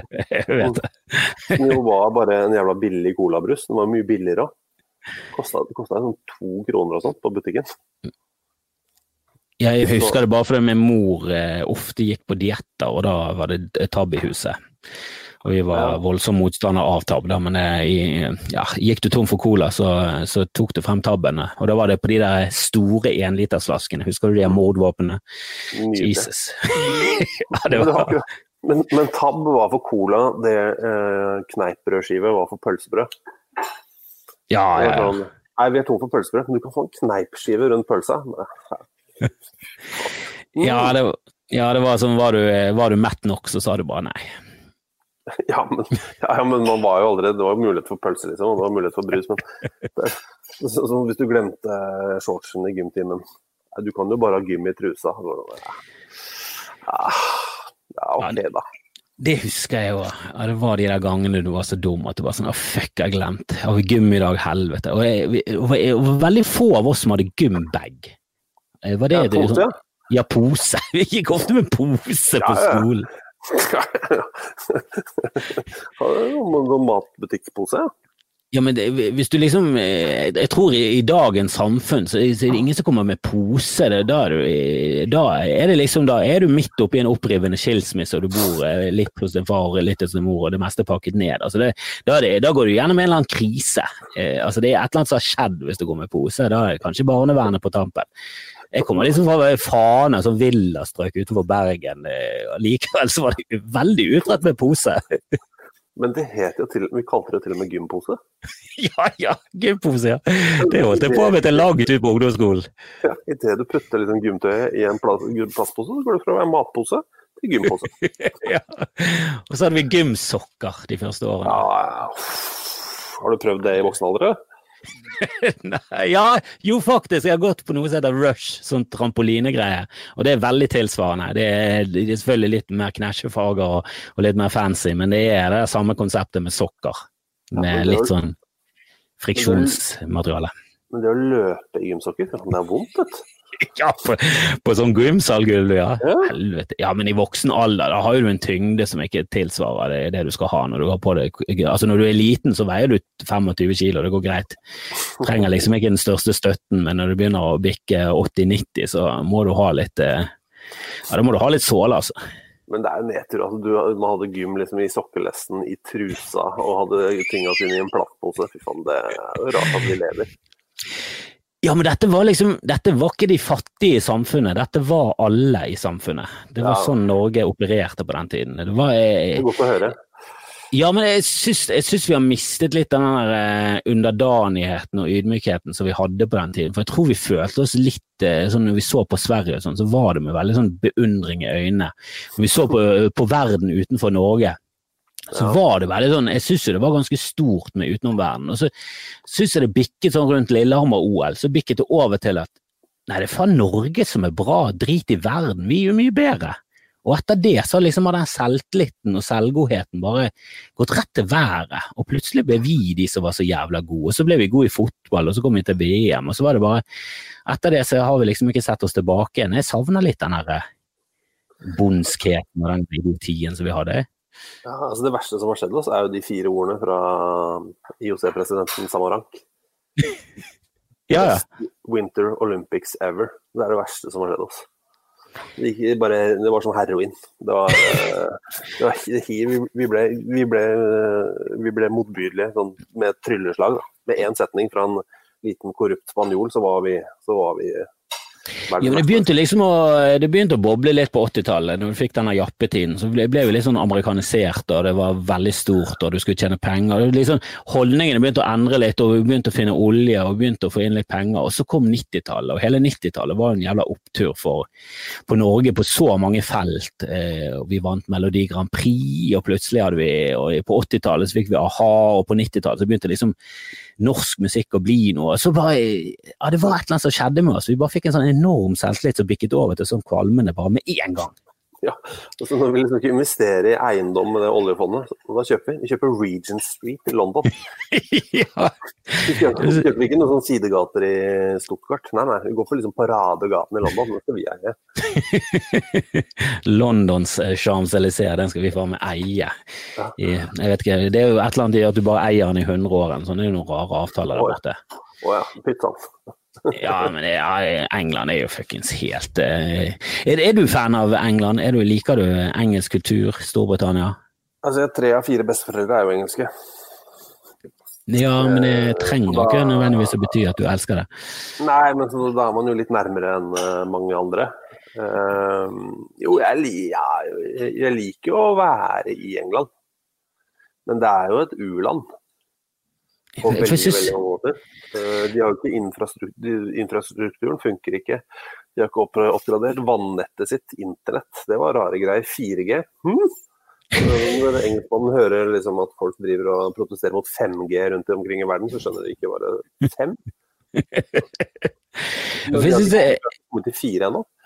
jeg synes det er så rart at England eh, det, var jo før vår tid, men det var ikke så lenge før vår tid. Så var liksom England eide en fjerdedel av kloden og var liksom Altså, de, de var så enormt eh, dominerende da, fra sånn 1800-tallet og fremover til eh, litt ut på 1900-tallet. Så tok jo eh, USA over. Og, eh, men liksom av ledende nasjoner så syns jeg liksom at, eng, at engelskmenn har styrt noe som helst, er for meg helt sånn uforståelig. At liksom Tyskland har styrt, det er sånn Ja, men det skjønner jeg, de er veldig flinke. Det er veldig det, det, ja, det er veldig organisert, de har en kultur for det. De, de virker som sånn vinnermentalitet. Mens engelskmenn er bare sånn, det er bare kaos og rot.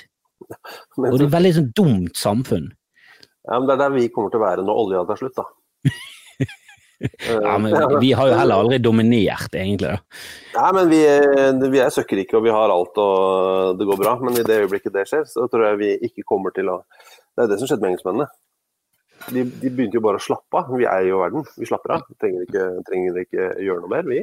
Vi, jo, vi, vi eier jo masse små indere som kan gjøre jobben for oss. Som kan være slave for oss. og, og sånt. Så plutselig så er, så er, det ikke sånn lenger. Så, du, så nå veit du jo ikke hvordan man lager mat.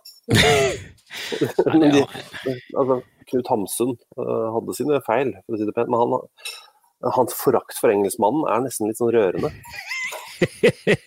ja, men den forstår jeg, for jeg syns de er så rare, det der. de systemene de har. Og når, eh, jeg husker en gang jeg satte meg litt inn i reglene i fotball, så er det så mange av de reglene så er så, det er så erkeengelsk. Altså, hvis du tar en femmeter, og så er du så dust at du klarer Og jeg tror også det gjelder frispark.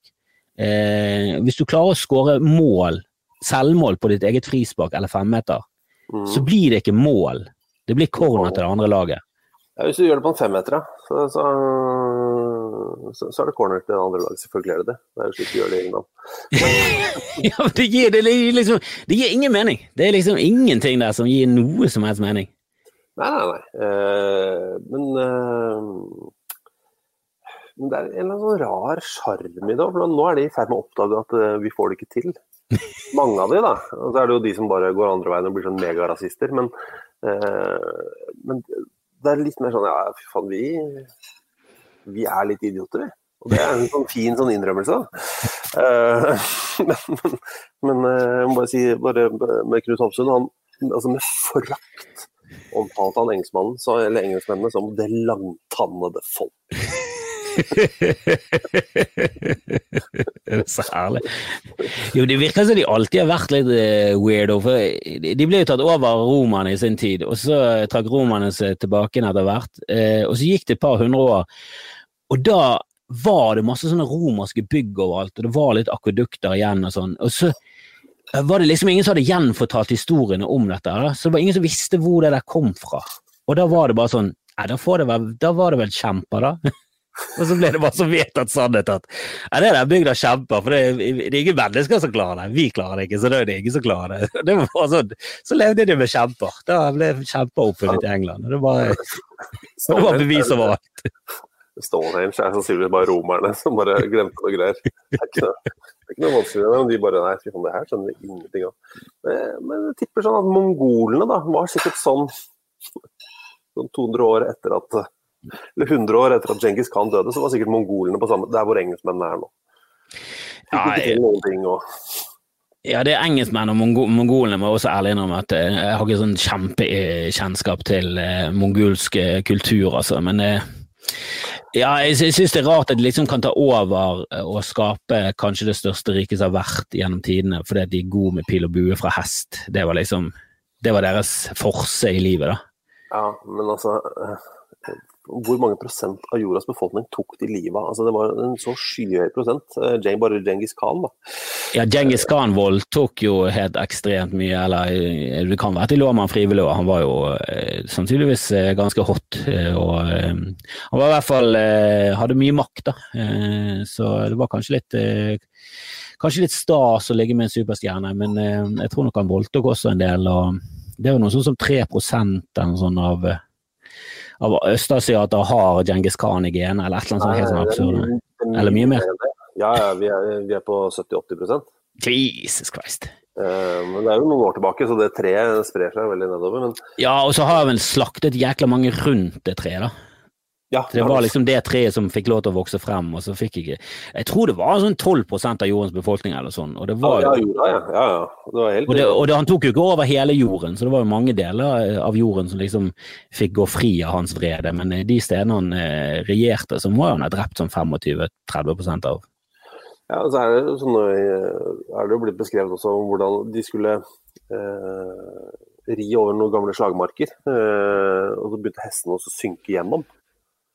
Eh, og så fant de ut at grunnen til at de sank gjennom, var at det var fordi jorda var så blaut pga. at den var så metta med menneskefett fra alle de de drepte forrige gang. og så da de skulle gå over en fjellpassasje hvor de var sånn Nei, vi kan ikke gjøre det, for der, der er det jo snø, vi får ri rundt. Men så viste det seg at den var bare hvit pga. alle knoklene. Oi, oi, oi. så han, var en, han var en ivrig fyr, men altså, for mange mange år siden. Det er feil. For en del år siden. Jeg ikke, det er helt uinteressant når dette var, det jeg skal fortelle nå. Jeg tror jeg det var mongolsk aften på NRK2. Eh, hvor de viste sånn mongolsk kunstfilm, og det var, det var en fryktelig jeg, jeg kan ikke skjønne at det var noen som så på. For det var vel Det var, altså, det, det var, det var, Men du sa på? det var, ja, jo, det var, liksom, det var sånn et papirark på høykant, smalt, liksom. Eh, Men så hadde jeg sett meg ut, og dette er i og for seg fortalt før, men da hadde jeg sett meg ut en kjempelang spillefilm. Altså helt megalang spillefilm. Det gikk fra liksom, klokka ni til ett på natta, noen fire timers, eh, om Djengis Khan. En mongolsk spillefilm. var liksom det omtalt som den ultimate spillefilmen om Djengis Khan. Da. Så jeg setter meg ned eh, og ser på fire timer mongolsk film på mongolsk eh, om Djengis Khan. Jeg syns jo at det går ganske sakte. Jeg må innrømme det. Og eh, med all mulig respekt for mongolsk, jeg har sett mye mongolsk fotball i det siste også, det er et ganske, er et ganske hardt språk. Eh, det er mye og mye eh, lyder. Eh, og så tenker jeg sånn, når skal han ut i kamp? Er, man sitter jo, vil jo vite hvordan han liksom, beseiret verden. Etter fire timer så reiser han seg fra bålet, sier eh, ha det til sin, eh, til sin sønn, eh, kysser sin kone Børte, eh, og rir ut i kamp, og så kommer eh, rulletekst. Så det var, det var fire timer fram til der hvor det spennende begynte. Ja, det ja det, det er ikke det du vil i en Djengis Khan-film, altså. Og hvis du har sett liksom 12-18 Djengis Khan-filmer, så kanskje, kanskje er, det, er det på tide å se en som tar for seg andre aspekter med, med Djengis, men den første debutfilmen, så Ja. du vil ha litt, eh, du vil ha litt grann eh, krigstaktikk og, og sånne ting. Nei, altså, men Høydepunktet er jo da jeg fant ut hva kona hans het. At det var Børte. Det synes jeg er herlig at du tenker sånn hvem, hvem er det som ser på dette smale, rare greiene her? Så sitter du alene med kun, kun lyset fra TV. Jeg ser for meg deg nede i sofaen med kun lyset fra TV og Pepsi Max. Det er 100% korrekt. um, så det var børte, og så lærte jeg hva det mongolske ordet for kjøtt var. Det er de to tingene jeg fikk ut av den filmen. da. Det kan du gjerne eh, informere oss om. Um, jeg tror jeg har nevnt dette andre steder, men altså, det er jo en scene helt på slutten der. da. Den siste før han gir Børte et kyss og reiser i krig. Eh, Det er eh, når han forteller sønnen sin om alt det vakre med Mongolia. Alt. Er vakkert med Mongolia. Så sitter de der ved bålet og griller og steker, og så sier de hest. ikke sant? Hestene i Mongolia er vakrere enn alle andre steder. Skogen, slettene, alt er vakrere. Eh, Så til slutt så har han liksom gått tom for ting som er vakre i Mongolia, så sier han selv ordet ordet kjøtt. Tenk på det. At ordet kjøtt, selv det er vakkert. Og så lyser sønnen opp, og så ser han på sin far Djengis, og så sier da Djengis så sier han kjøtt på mongolsk. Og han sønnen bare «Ah, Wow, det er så vakkert. Eh, og, og kjøtt er ma. Det høres ut som Kli- det høres det. som Klingon. Ja, det var det. Bare, ah, selv kjøtt er fint. Nei, det var Jo, men noe, en sånn poetisk siste, siste scene i den firetimersfilmen om, om Djengis. Da. Ja, for det syns jeg vitner om eh, totalt sånn eh, lite selvinnsikt, men det kan være at han ikke kjente til så veldig mye andre språk. Da, men jeg, jeg har jo selvinnsikt nok til å skjønne at bergensk kanskje ikke er Norges sånn flotteste dialekt, sånn eh, objektivt sett. da. Eh, Mm. jeg synes, Det er jo den jeg er vant med, og for meg så er det normal, men jeg, jeg kan jo høre at at rulling er kanskje litt mer sånn poetisk og, og fint, eh, sånn, for eksempel på en teaterscene, enn enn skarring. Jeg, jeg vil jo jeg synes sånn objektivt sånn Nei, jeg, jeg, jeg syns harking i et språk er kanskje mindre å foretrekke enn f.eks. For kinesisk, som er veldig sånn melodiøst. Og de har jo sine ting, de, og harker på fritiden, men eh, det er liksom Ja, det, jeg syns noen ting er liksom objektivt mer sant enn andre. Jeg syns f.eks. fransk er et, jeg synes er et veldig oppskrytt språk som en sånn language of love, når du hører på italiensk, som er helt klart mye mer sånn melodisk og, og fjongt den franske. Jeg husker jeg bodde i Frankrike, og når det kom italiener, så var det nesten som en sånn frisk pust. Du har bodd i Frankrike? Ja, jeg bodde der en liten periode, sto mye på ski, og, og ja, det var en del um, festing. Du hadde sikkert drukket Pepsi Max, vi drakk mye billig rødvin. Men uh, ja, det var, var en det var en gøy, gøy eh, fire-fem måneders tid i Grenoble. Dette er veldig rart. Ikke, det er så out of character for meg, dette her. Men, eh, men det er greit. Jeg var, jeg var mye mer sporty før enn det jeg liksom var eh, Jeg var ganske sporty. Jeg hadde vokst opp med en ganske sporty gjeng rundt meg. da. Jeg var Ja. kanskje ikke den som var pådriveren, men jeg hang meg ofte med. Så når jeg mistet liksom Ja, når jeg gled mer og mer over til sånn scenefolk og eh, standup og ja, show og sånn, så Sier du at de ikke er så sporty? Nei, ikke de jeg henger mest med. Jeg, ser noen komikere borte i Oslo er sånn overraskende ja, overraskende muskuløs. Sånn Rasmus Wold, eh, han er liksom en tidligere tennisspiller, og, og Jonas Bergland er liksom og det, det er sånn, ja, jeg liker de, men det er ikke derfor jeg liker de. Det er liksom en av de negative sidene med deg, at de liksom kommer der med sixpack backstage. Det passer ikke for en standup-komiker. Nei, det er flere av de som er fryktelig godt trent. da. Henrik Thodesen, eh, Nils Ingar. Alle de der er jo sporty folk. De er det usjarmerende. Det, Ja. det, det passer seg. Hvis det er én ting det som forandrer med dem, så er det kanskje det. Ja, det er liksom det. Eh, Skal du ta tak i én negativ side med Nils Egge Rodde, litt for sporty. Det er liksom litt for god kondis. Nå må han skjerpe seg. Veldig god kondis, ja. ja, men, og, det, og det handler jo kun om sjalusi og bitterhet, men eh, herregud, jeg syns sjalusi og bitterhet er sterke følelser som, eh, som gjør mye bra. Uh, ja, og hevn.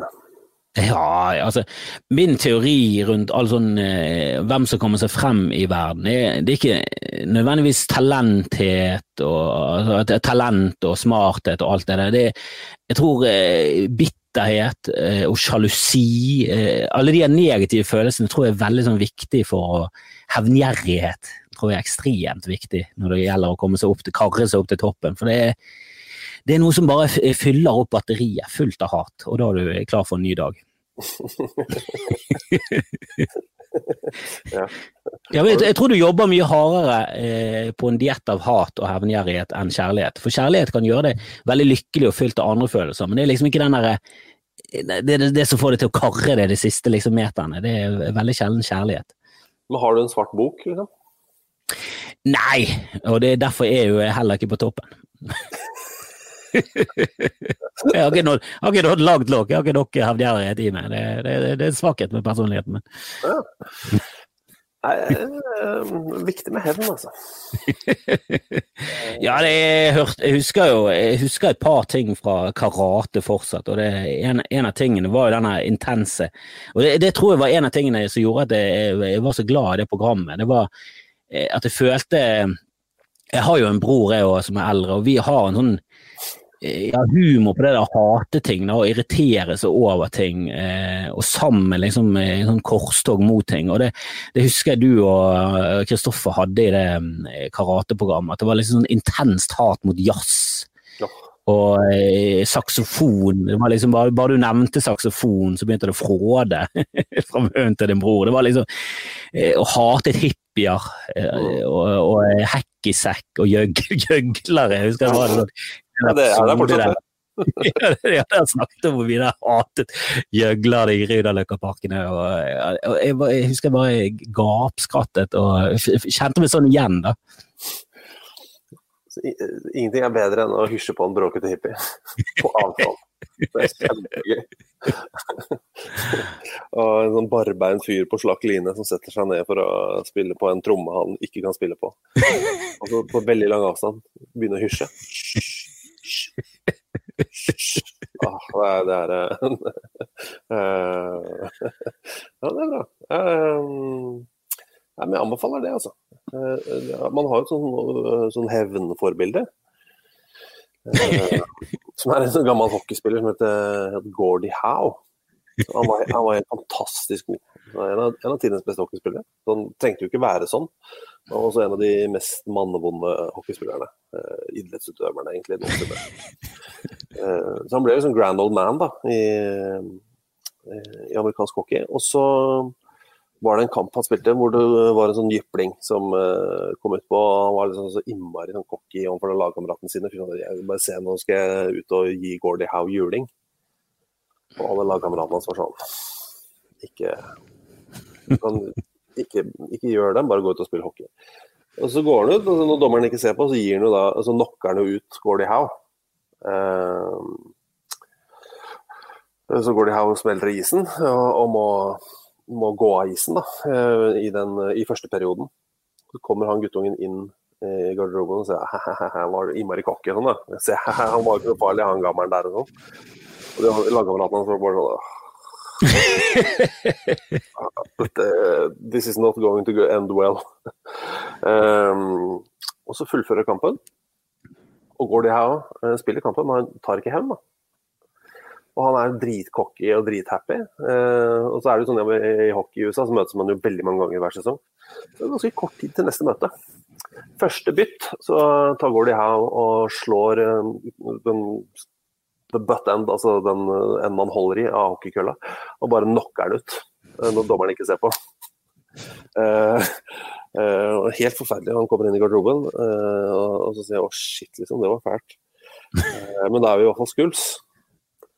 Det er ikke skuls, det er ikke skuls for Gordie House sier at dere er skuls. og så er det utpå igjen, og han syns det er skikkelig ubehagelig, og så får han en ny smell. Uh, og så prøver han å si sånn uh, Prøver liksom å fiske. Er, det, er vi good nå? Null respons fra Gordia. Null respons.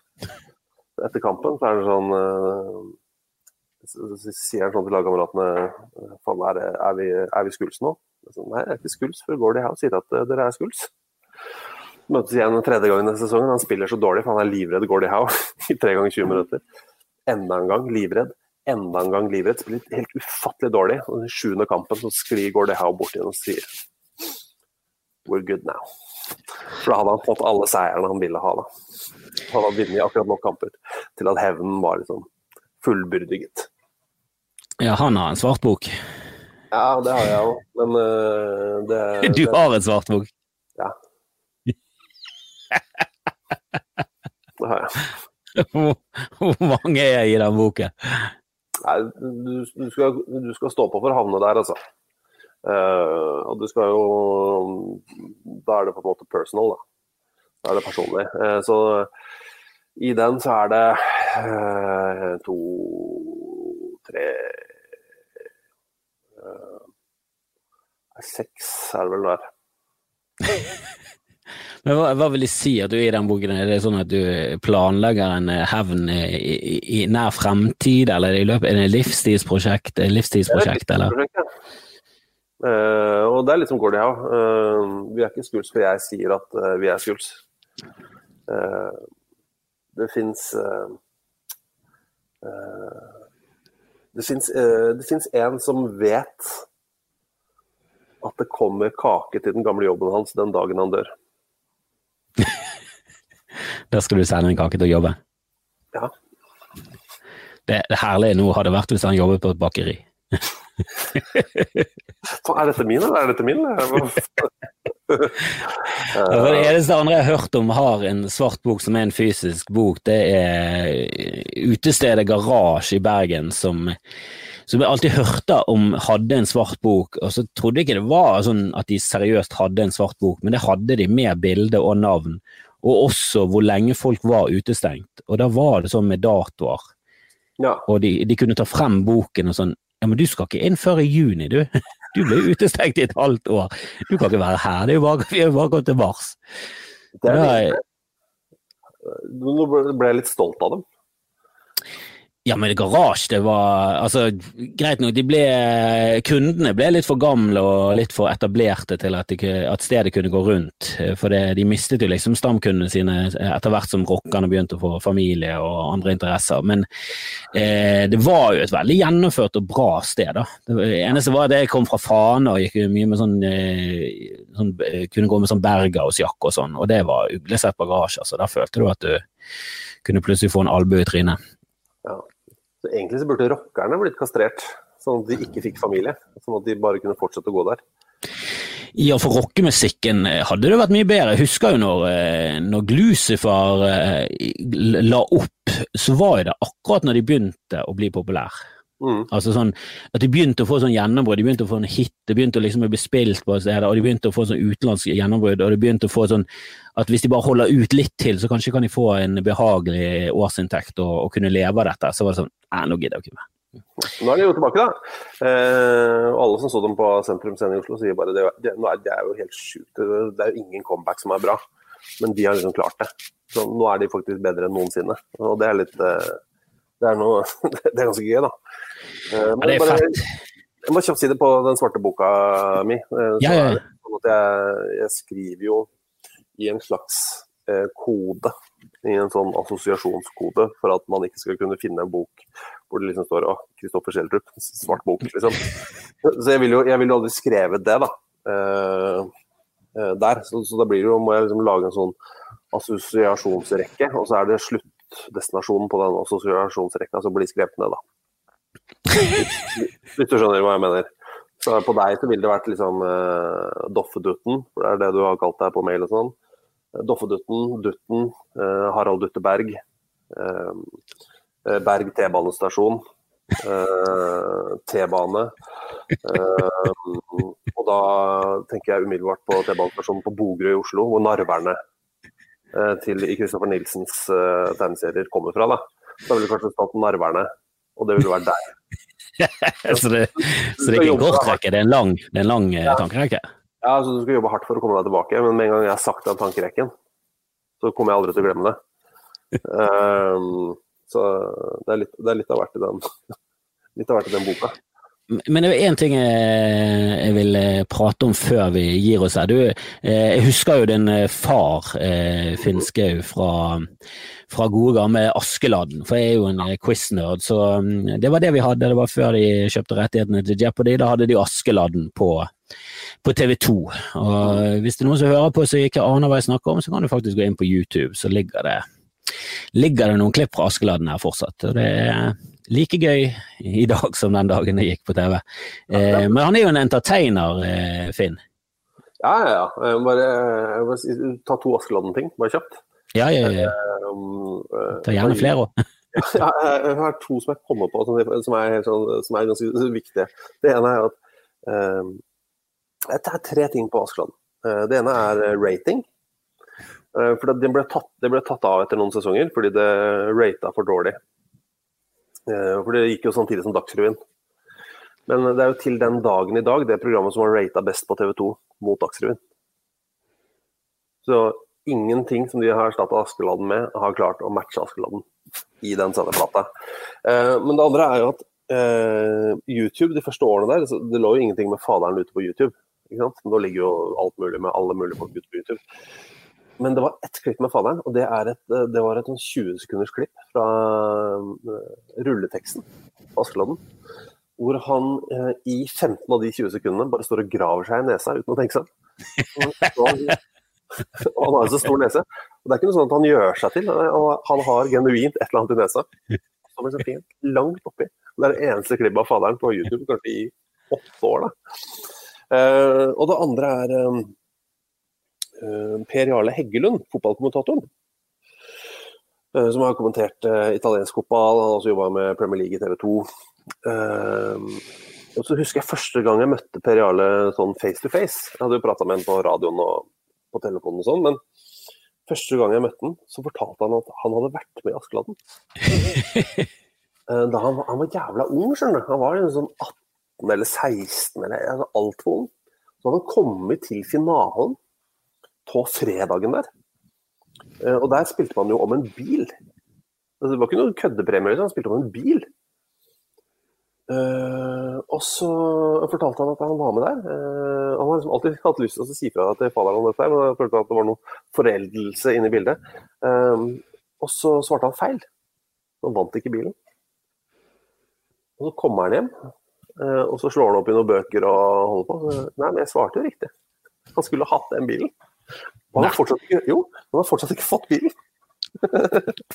men har du sagt det til din far? Ja.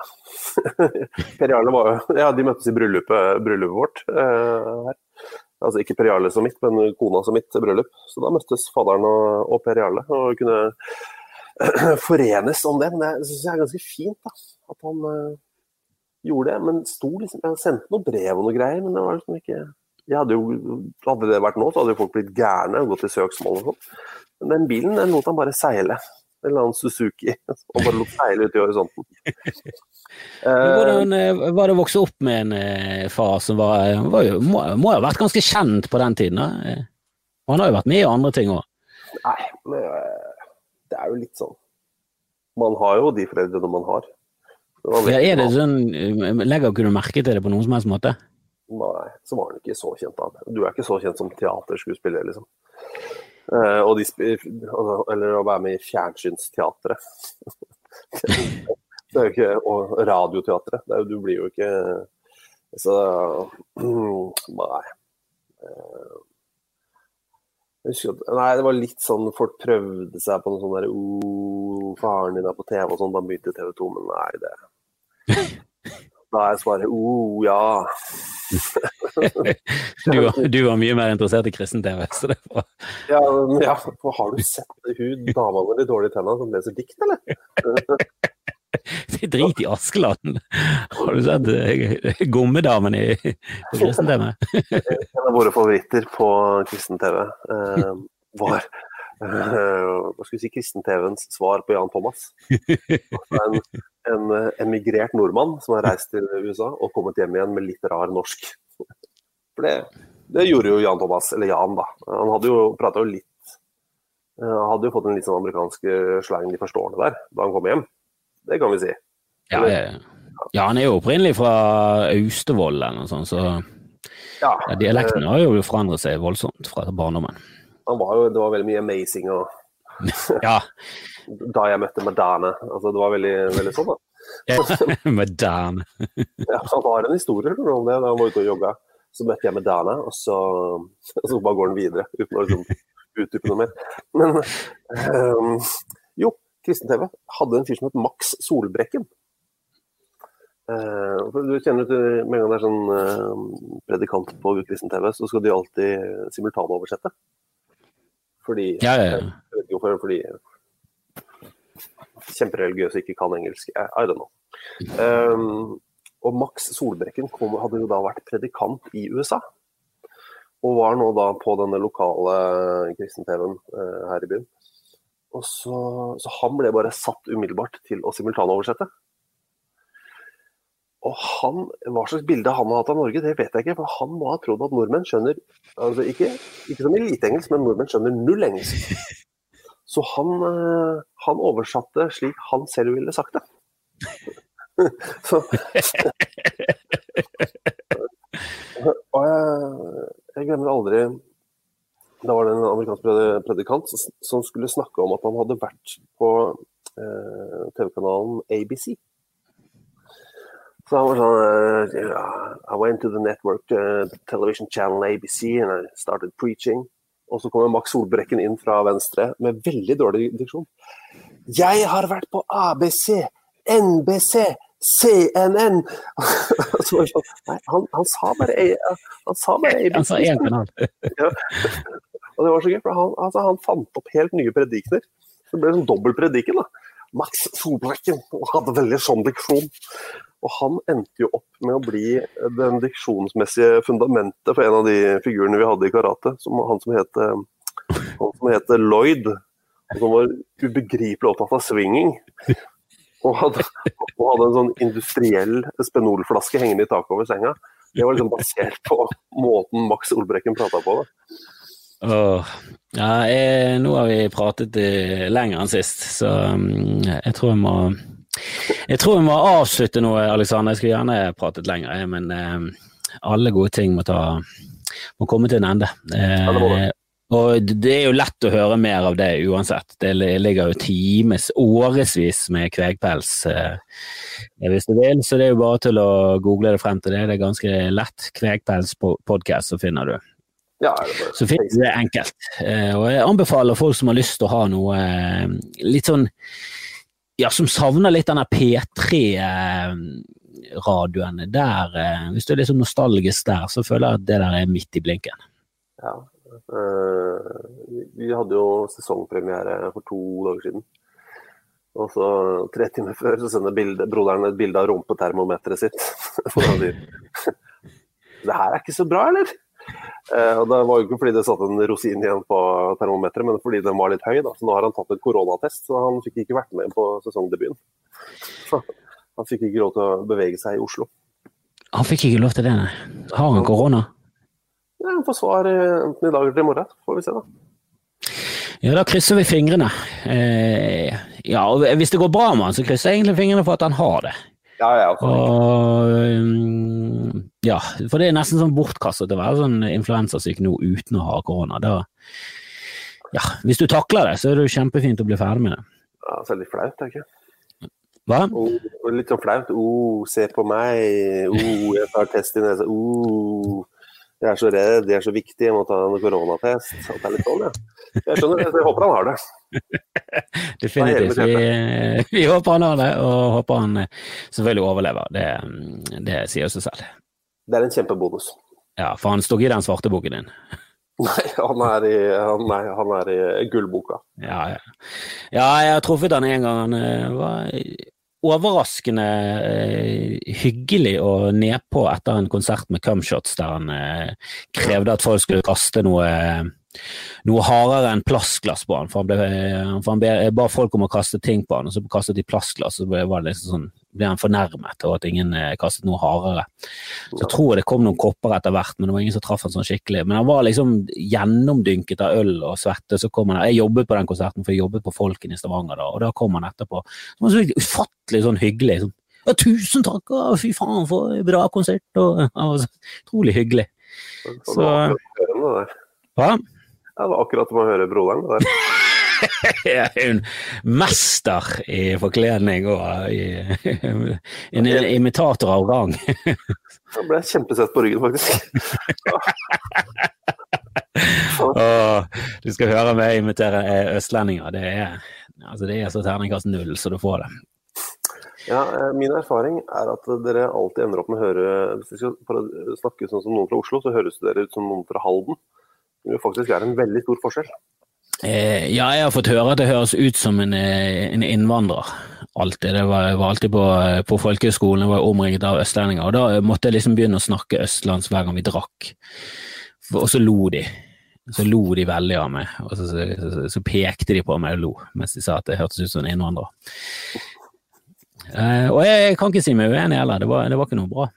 Men, eh, men jeg, liksom, jeg, hvis jeg står på scenen og liksom skal imitere noen, og, eh, og jeg, om jeg skal være en pakistansk taxisjåfør, vit at jeg prøver å snakke normalt, normert østlandsk. Det er bare Jeg er bare dårlig. Ja, du prøver å snakke sånn som de gjør i Civita. ja, jeg prøver, jeg prøver å snakke. Civita høres ut som jeg, jeg kommer fra utlandet. Men det, det, sånn er det. Eh, jeg har aldri lagt noen ære i å, å bli veldig god på å snakke dialekt, så det. Jeg vet ikke hva med det, hvordan i din bergensk, har du mistet den? Ja, ja, den er helt borte, ja. Helt, helt, helt, helt. Og jeg bor jo med bergensk, men den er helt borte. Uh, så nei, det, det, skal jeg ikke prøve meg på. Det skal du få lov til å slippe. Ja, jeg, jeg skulle gjerne hørt en smakebit, men uh... Nei, nei, nei. du virker ikke som en fyr som er lett å overtale når du først har bestemt det. Uh, nei betyr nei. ja, jeg vil, jeg vil nødig opp, han, ende opp som en eller annen assosiasjonsrekke i denne svarte boken din. Så jeg lar det ligge. Skriver narver i boka, jeg, og så ser vi hva som skjer. Faen! Står det allerede narve i all helvete? Du har, du har 15 år med bekymringer foran deg. Satan! Oh, nei, det måtte ende som det endte, så, så det var vel bare skjebne. Takk for at du tok deg tid, i hvert fall. De spiser kake på Riks, ikke sant? du få sende den til Riks. Ja, men takk for at jeg fikk komme. Yes, vi snakkes. Ha det bra. Ha det.